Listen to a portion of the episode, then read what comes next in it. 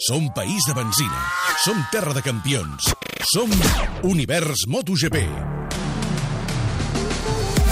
Això és l'univers MotoGP. Rebutgeu imitacions. Catalunya Ràdio. Jo vull que guanyi un català. 30 anys seguint el Mundial de Motociclisme. La mare del Tano. A punt de començar la cursa. Marc Márquez des de la pol. Maverick segon. Tercer Valentino. Els semàfors a punt. Univers MotoGP. Guanya el tro. Guanya Márquez. Marque, Marque Pedrosa, Pedrosa Maverick, Maverick Aleix i Pol Espargaró, Espargaró Rins, Rabat. Rabat. Cau Maverick. Ha caigut Maverick Viñales. Ens informen de la caiguda de Maverick Viñales. Ha caigut Maverick. El Mundial és nostre. Localitzat. Circuit de Jerez. Gran Premi d'Espanya. Quarta prova de la temporada.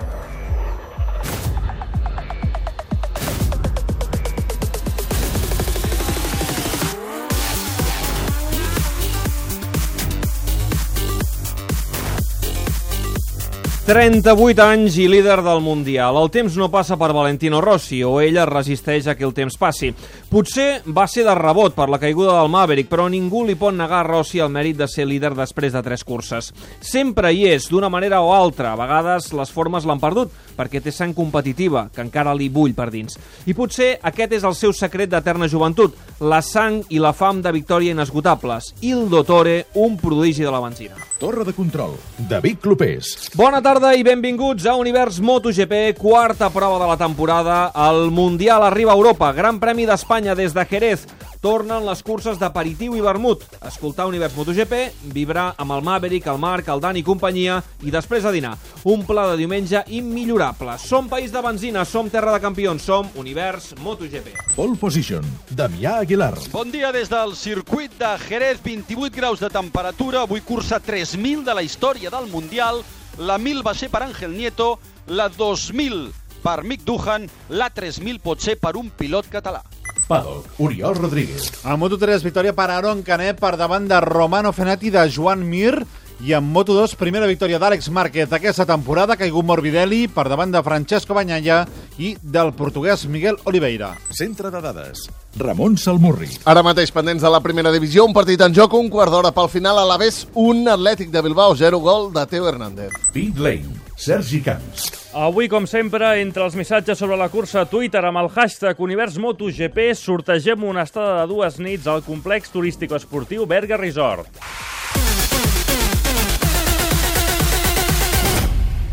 Movistar Plus us ofereix aquest espai. Univers MotoGP és una producció del Tot Gira.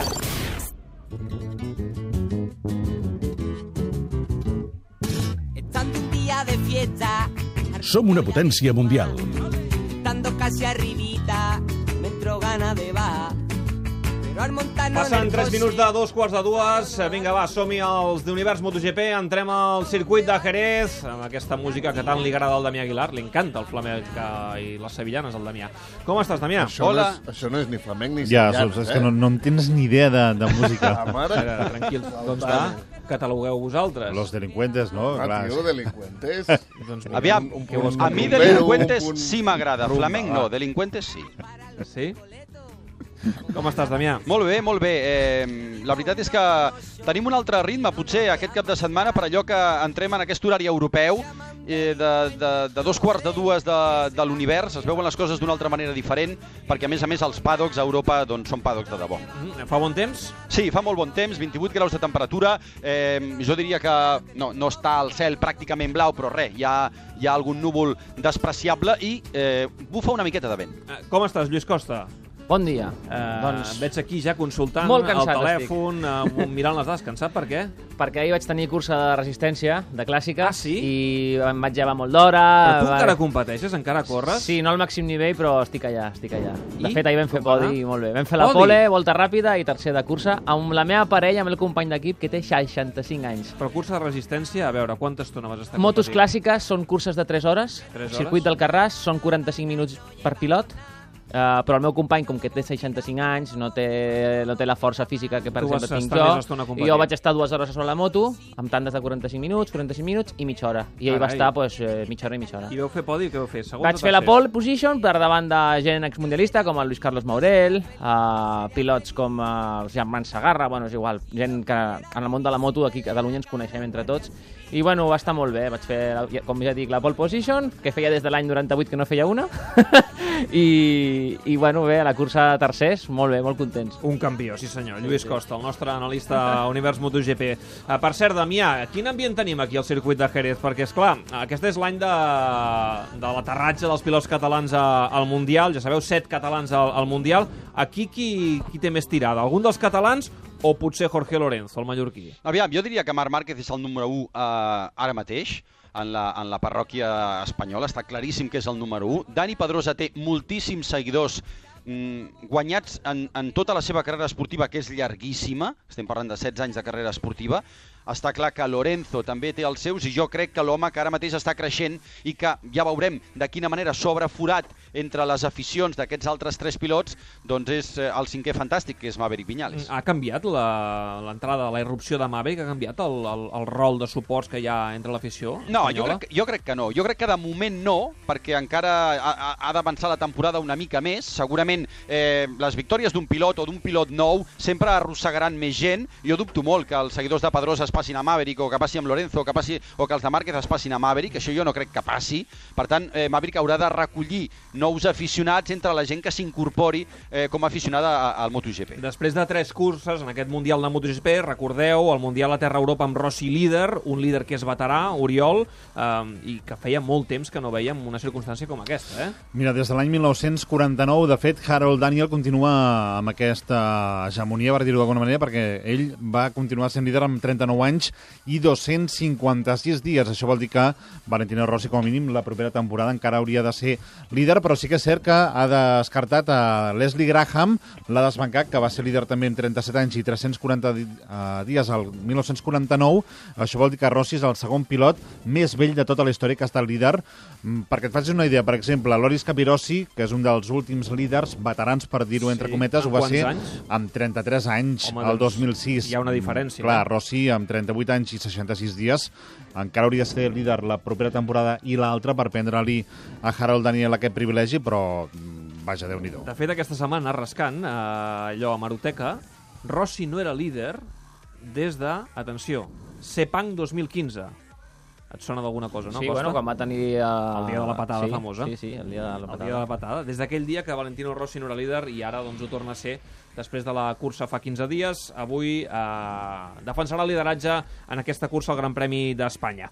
Tenim esport en directe, ja ho sabeu. A primera divisió ha començat a les 12 del migdia, partit entre l'Aves i Atlètic de Bilbao. Salmo? 9 i mig eh, pel final més l'afegit, 8 i mig pel final més l'afegit. A la vez un Atlètic de Bilbao 0 al gol, l'ha fet un gran gol, Teo Hernández. D'altra banda, segona, també tenim un partit en joc. El Tenerife està guanyant el Lugo a casa, una victòria que situaria el Tenerife provisionalment a la tercera posició, a 10 punts del Girona, Tenerife 1, Lugo 0, 36 de la primera. I tenim Lliga CB de bàsquet, dos partits en joc. Uh, D'una banda, Penya Manresa, duel català, partit que ha començat a dos quarts d'una, el segueix l'Ernest Macià. Ernest, què tal, com estàs? Bona tarda. Jo molt bé. I com ha començat el partit?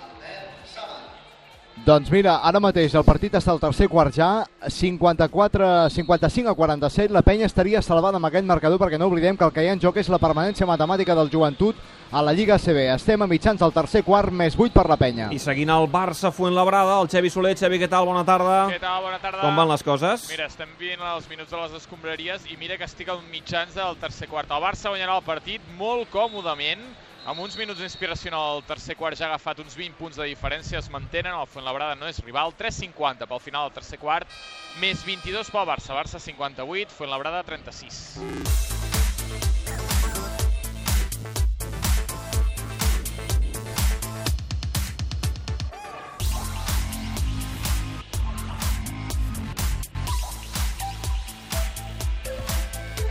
Estem pendents també aquest migdia, Salmo, eh, dels diferents partits que hi ha, segona divisió B i tercera, sobretot la segona B, on estan disputant-se moltíssimes coses. És la penúltima jornada, per tant, ben aviat sabrem ja com queden els play-offs i també el descens, eh? Sí, sobretot pendents del Sagnier, del partit del Prat, Prat 1, Sabadell 1, 12 pel final, el Prat està obligat a guanyar i a esperar marcador si vol mantenir la categoria. Per tant, ara mateix els Potablava que perdrien la categoria i caurien fins a la tercera divisió. També tenim el derbi entre Espanyol eh, i Barça B. De moment, empat a 0. Recordeu que l'Espanyol, el Barça B ja és campió, l'Espanyol B està amb l'aigua al coll i que, a més a més, hi ha hagut certa polèmica, ho direm així, perquè l'Espanyol li ha fet el passeig al Barça Mira, i els jugadors de ho l'Espanyol... està seguint l'Albert Benet des de la ciutat esportiva Dani Jarque. Albert Benet, com estàs? Bon dia. Bon dia. Com han anat les coses? Al 24 de la segona meitat no hi ha gols, empat a 0, Espanyol B 0, Barça B 0. S'ha descalfat força els ànims, sobretot en aquesta segona meitat, amb algunes tanganes entre jugadors d'un i altre equip. L'àrbitre ha hagut de posar pau ensenyant força targetes grogues. De moment, empat a 0, l'Espanyol B, ara ho explicava el Salvo, necessita tant sí com no la victòria. School Rider us ofereix aquest espai. La graderia de l'univers. Doncs vinga, va. Avui cursa el Gran Premi d'Espanya, circuit de Jerez, i com és habitual a Univers MotoGP tenim uh, visita al nostre Sí, estudi. Uh, veig moltes banderes, veig molt Sí. color negre... Força Ducati! Ja està, ja els tenim aquí. Els ducatistes Avui- que ens visiten avui a Univers MotoGP. Avui no, no ha calgut ni que els fes cridar. Jo no sé, eh, vull compartir amb vosaltres, no sé si és el club de fans que més ha guarnit l'estudi de Catalunya Ràdio, Home, top. perquè realment... Top. Ara faré unes fotos de les dues pancartes que ens han portat, eh, expressant aquí la seva passió per Ducati, ducatistes. Ara penjarem aquestes eh, fotos al Twitter del, del Tot Gira. A veure, aquí, a la primera fila. Molt bon dia, com et dius? Toni Jiménez. Ducatista fins la mort, eh? Sí, sí, aquí. A la médula. Més de Lorenzo o més d'Andrea Dovizioso? Lorenzo. Lorenzo, eh? Molt bé. Recordem que aquesta graderia de l'univers té el patrocini de School Rider, aquesta marca d'ulleres que cada setmana ens porta una ullera diferent. Avui tenim el model Shark Attack i com podeu aconseguir... xules, són xules. Són de color blau, són molt xules. Com podeu aconseguir aquestes ulleres? Doncs heu de pronosticar com cada setmana el podi de la cursa, en aquest cas de la cursa de Jerez, a través de Facebook i Twitter. Ens deixeu el vostre podi i entre els que l'encerteu sortejarem aquestes ulleres. I avui, Damià, em sembla que tenim premi doble perquè m'has dit que tenim un llibre de Jorge Lorenzo precisament per sortejar entre els ducatistes que no s'ho esperaven. Avui algú de vosaltres tindrà premi. A veure, Damià, Aviam, hi ha l'últim llibre de Jorge Lorenzo, que és un llibre diferent, perquè és un llibre en el qual els seguidors de Jorge Lorenzo li fan preguntes a través de les xarxes socials, les millors preguntes s'han recollit en aquest llibre i la, amb les respostes de Jorge Lorenzo. Me l'ha donat Lorenzo personalment signat perquè el tingui algun dels nostres ducatistes d'avui. Molt bé, doncs com ho fem? Doncs com mira, sortegem, aquest llibre? Jo ara us deixaré aquí un full en blanc, em poseu, cadascú de vosaltres, la posició del podi on creieu que acabarà, o de la cursa, millor dir, la posició de la cursa on creieu que acabarà Jorge Lorenzo, i entre els que l'encerteu, sortejarem I aquest si llibre. no l'encerta ningú? Doncs entre tots. Farem un sorteig. Sí, home, sí, així, eh? un sorteig, pur. eh, pur. Algú té pur de- premi, no us amoïneu que algú de vosaltres Avui té premi. algú d'aquí s'anirà amb un llibre de Jorge Lorenzo, eh? Molt bé, la gent de Ducati, avui acompanyant-nos per seguir aquest Gran Premi d'Espanya. Vols aconseguir les Skull Rider edició limitada dissenyades especialment per al Gran Premi de Jerez? Les Shark Attack poden ser teves si encertes al podi final del Gran Premi de Jerez. Passió i qualitat s'uneixen en les Shark Attack, unes ulleres avantguardistes i resistents. Skullridering.com Skull Rider, les ulleres de sol dels guanyadors. 17 minuts i començarà la cursa. Repassem també el que ha passat, Oriol, a les curses de Moto2 i Moto3. Ha guanyat Àlex Márquez, el nostre, la nostra gran esperança en el Mundial de Moto2, eh? Sí, i és important perquè Franco Morbidelli, que recordem que havia guanyat les tres primeres curses, avui ha anat al terra i per tant es queda sense puntuar. Avui victòria d'Àlex Márquez, la primera parell de la temporada, per davant de Francesco Bagnaia i de Miguel Oliveira. A la general, Morbidelli continua com a líder, té 75 punts, 11 més que Luti, 16 més que Oliveira i Márquez puja fins a la quarta posició a 26 punts amb 49. Això pel que fa a Moto2. A Moto3, victòria per Aaron Canet, 31 mil·lèsimes d'avantatge respecte a Romano Fenati i 155 mil·lèsimes respecte a Joan Mir, que és el líder de la categoria, amb 9 punts més que Fenati i 15 més que Jorge Martín. Eh, T'ha agradat la cursa de l'Àlex Márquez, eh, Lluís? A veure, s'ha de dir que s'ha caigut Morbidelli, que era el líder del campionat, bueno, és, en continua sent el líder, Ha fet una cursa bona, el que passa és que, clar, eh, s'han escapat els dos. Uh, Àlex ha tingut una, una colada a la curva Cito Pons que s'ha anat llarg, l'ha aprofitat Morbidelli i de sobte Morbidelli s'ha caigut d'en sol a Nieto, a una Creus curva... que ara mateix està un pas per davant, eh, Morbidelli, respecte Jo a penso l'Àlex? que sí, penso que sí, que, que està una miqueta més per enda, un, pas, un pas per endavant el Morbidelli que el Márquez i és una, una mica més eh, consistent, el que passa és que bueno, avui ha caigut. Però lluitarà pel Mundial, Àlex? Esperem que sí, esperem sí. que sí, i avui amb el, amb el primer que... Dius una mica allò amb la boca petita, eh? És que és molt bo el Morbidelli, eh? El Morbidelli està cridat a fer grans coses, a MotoGP sobretot. 15 minuts i seran les dues. Repassem la graella de sortida del Gran Premi d'Espanya a Jerez.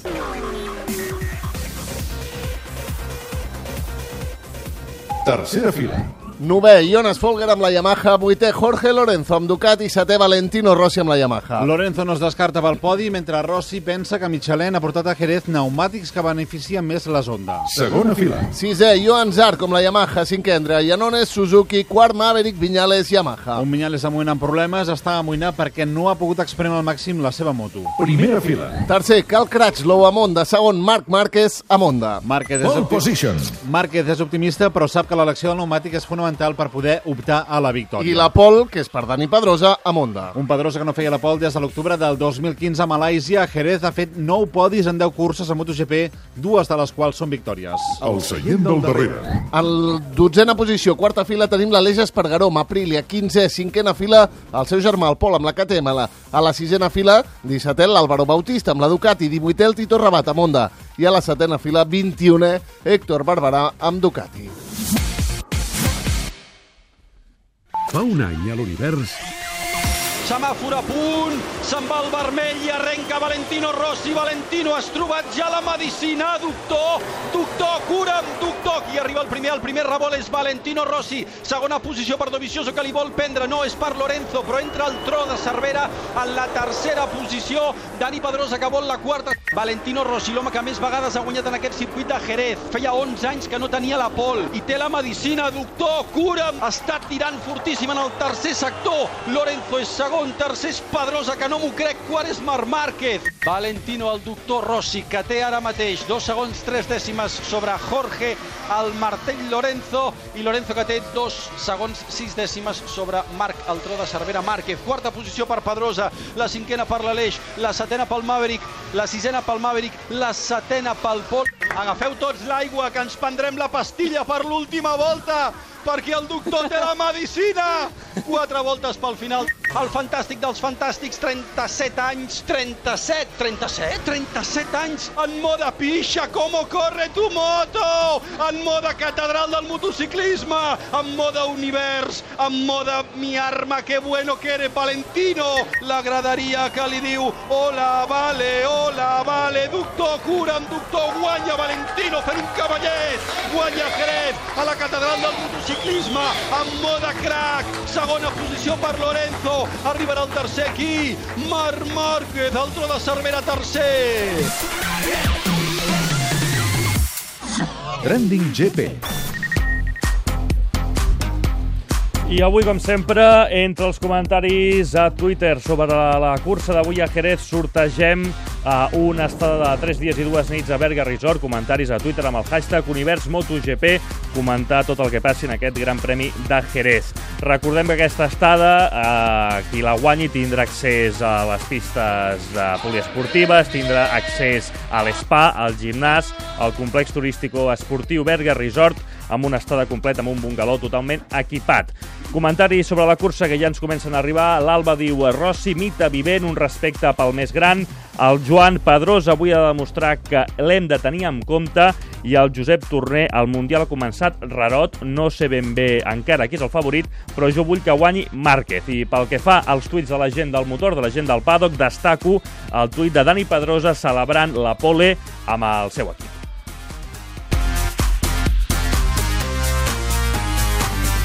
Has estat mai en un resort? Bé, al Berga Resort. Eh? On què? Si has estat mai al Berga Resort, on pots viure en un bungalou, entrar i sortir del Wellness Center, banyar-te i nedar en piscines per tots els gustos, disposar d'un servei fantàstic... Jo no, i tu? Sí, però junts serà diferent. Ah, i on és? A Berga, i anirem per la C16 i al quilòmetre 96 agafarem la sortida 95 Berga Sud i ja hi serem. Molt bé, i anirem tota la família. S'acaba per ser primera divisió el partit de Mendy Sorrosa. Amb victòria de l'equip local de l'Alavés, Alavés 1, Atlètic de Bilbao 0, gol de Teo Hernández, un triomf que deixa l'Alavés 9 amb 51 punts a 3 de l'Eibar, que és 8è. L'Atlètic de Bilbao es manté en la sisena posició amb 62 punts a 1 del Villarreal, que és 5è, i els mateixos que la Reial, que és setena. Lliga CB de bàsquet, com tenim el penya Manresa, Ernest?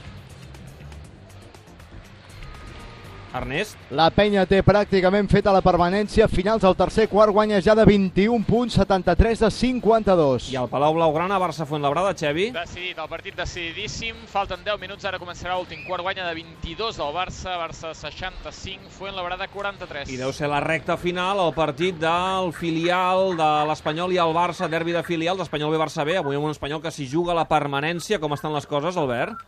A l'instant que s'avança el Barça B a la ciutat esportiva, Dani Hark acaba de marcar de penal Gumbau, al 33 de la segona meitat, Espanyol B 0, Barça B 1, acaba de marcar Gumbau de penal, un penal comès sobre Cardona, el davanter del filial blaugrana, i Marc Manchón, que ha anat al carrer. Marc Manchón, que ha estat expulsat, per tant, l'Espanyol B amb 10 als últims 11 minuts de partit. Moments universals.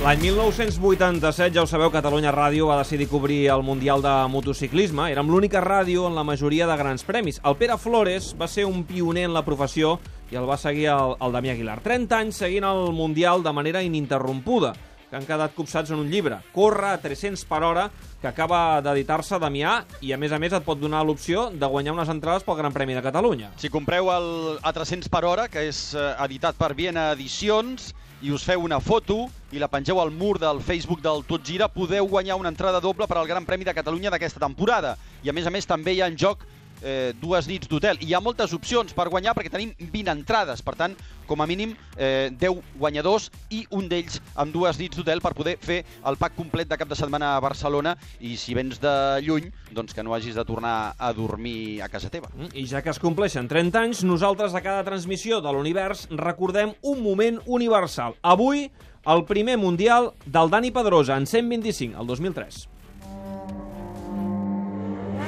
Després dels títols de Cribiller a 500 i el Zamora 125 al 1999, no vam tornar a tenir un campió del món català fins al 2003. Va ser Dani Pedrosa, que a la seva tercera temporada aconseguia posar els fonaments d'una llarga carrera esportiva amb el títol de 125. Va ser a Malàisia un 12 d'octubre del 2003, amb un marge encara de dues curses per finalitzar el curs. I quan he creuat la meta he començat a plorar, però com, com si fos una manguera, no, no. No podia parar de plorar i estava molt content. Ah, és una sensació que no, no, no puc descriure i només puc dir gràcies a tothom perquè s'han portat molt bé a mi durant aquests anys i, i és molt, estic molt emocionat. No havia estat una temporada fàcil. El seu principal rival va ser un veterà italià, Stefano Perugini, que a les acaballes de la seva carrera es va trobar fort per intentar passar per sobre d'un jove de 18 anys. L'italià ho va intentar a la pista i fora, i no se'n va sortir. A meitat de temporada vaig tenir una mica de baixada i Perugini va pujar bastant, no? però al, a l'estiu em vaig mentalitzar molt fort. Les curses després de, de l'estiu van ser molt bones, a pesar de que van tenir molts problemes amb la moto. No? El Vallèsà no tornava a casa a festejar, sinó que havia de finalitzar la gira asiàtica. I a Austràlia, cinc dies després, al primer entrenament, cau i es lesiona. El pilot català Dani Pedrosa, l'operant ara a Melbourne, Austràlia, ha donat doble fractura dels maleols, els turmells esquerre i dret. Pedrosa ha caigut durant els entrenaments del Gran Premi d'Austràlia de motociclisme. El metge del Mundial, doctor Makia Godena, explica per què l'operen ara mateix. Té una rotació d'un os que li pot produir problemes vasculars i és millor reduir-la ara. L'Hospital Victòria de Melbourne és un dels millors centres traumatològics d'Austràlia. Pedrosa engega un hivern dur, amb una llarga recuperació de mesos i havent de fer el cor fort, perquè de cara al 2004 pujava a 250 i al capdavall només va poder fer un entrenament. Però aquesta és una altra història.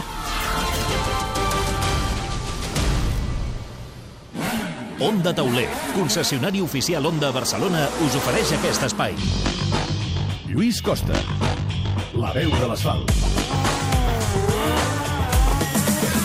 6 minuts i començarà la cursa. A veure, va, entrem en matèria. Uh, Lluís, uh, hi ha hagut canvi de rols. Pensaven que Yamaha dominaria i ho fa avui Honda.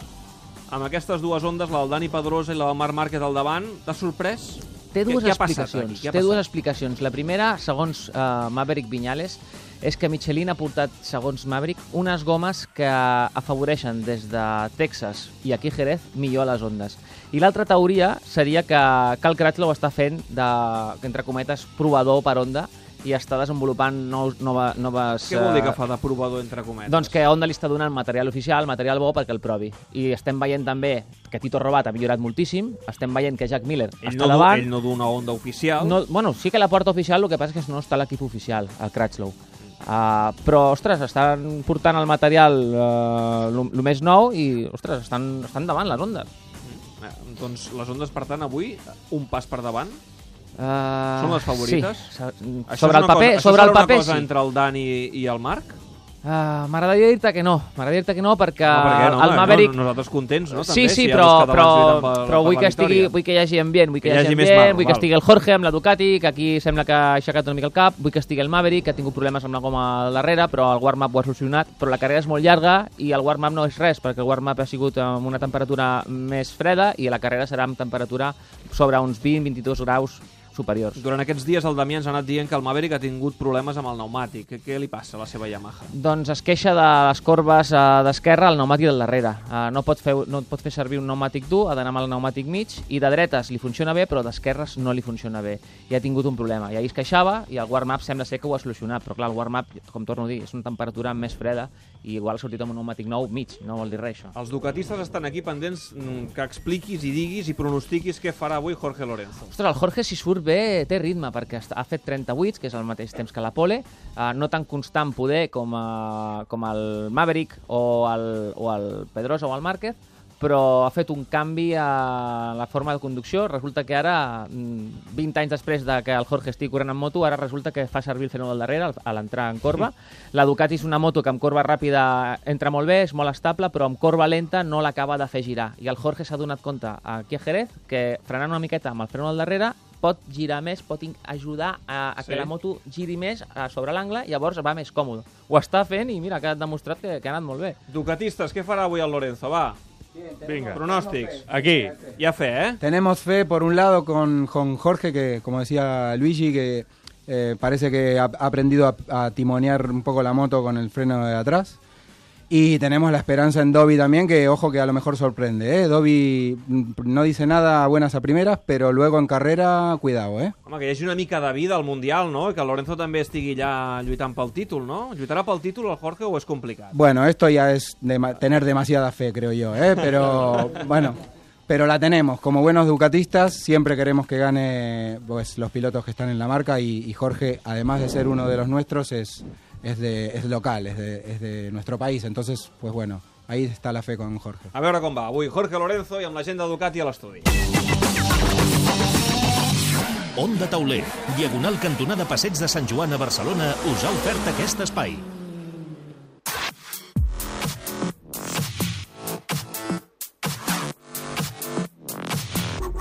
Damià Wall.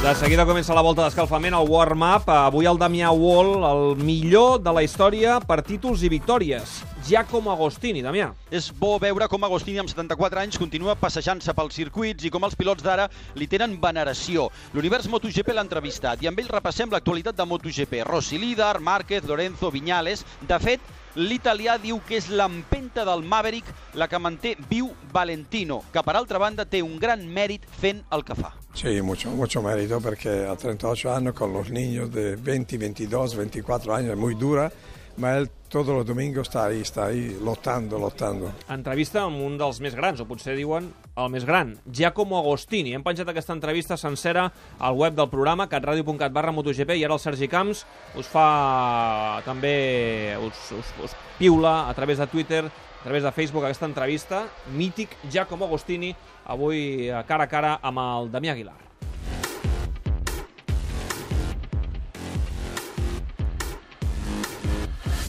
Ha començat la volta d'escalfament, és a punt de començar aquesta cursa, el Gran Premi d'Espanya a Jerez. Recordem la graella de sortida, Oriol. Amb Dani Pedrosa des de la pole position, primera fila també Márquez i Crutchlow, segona fila per Viñales, Iannone Zarco, la tercera Rossi, Lorenzo i Folger.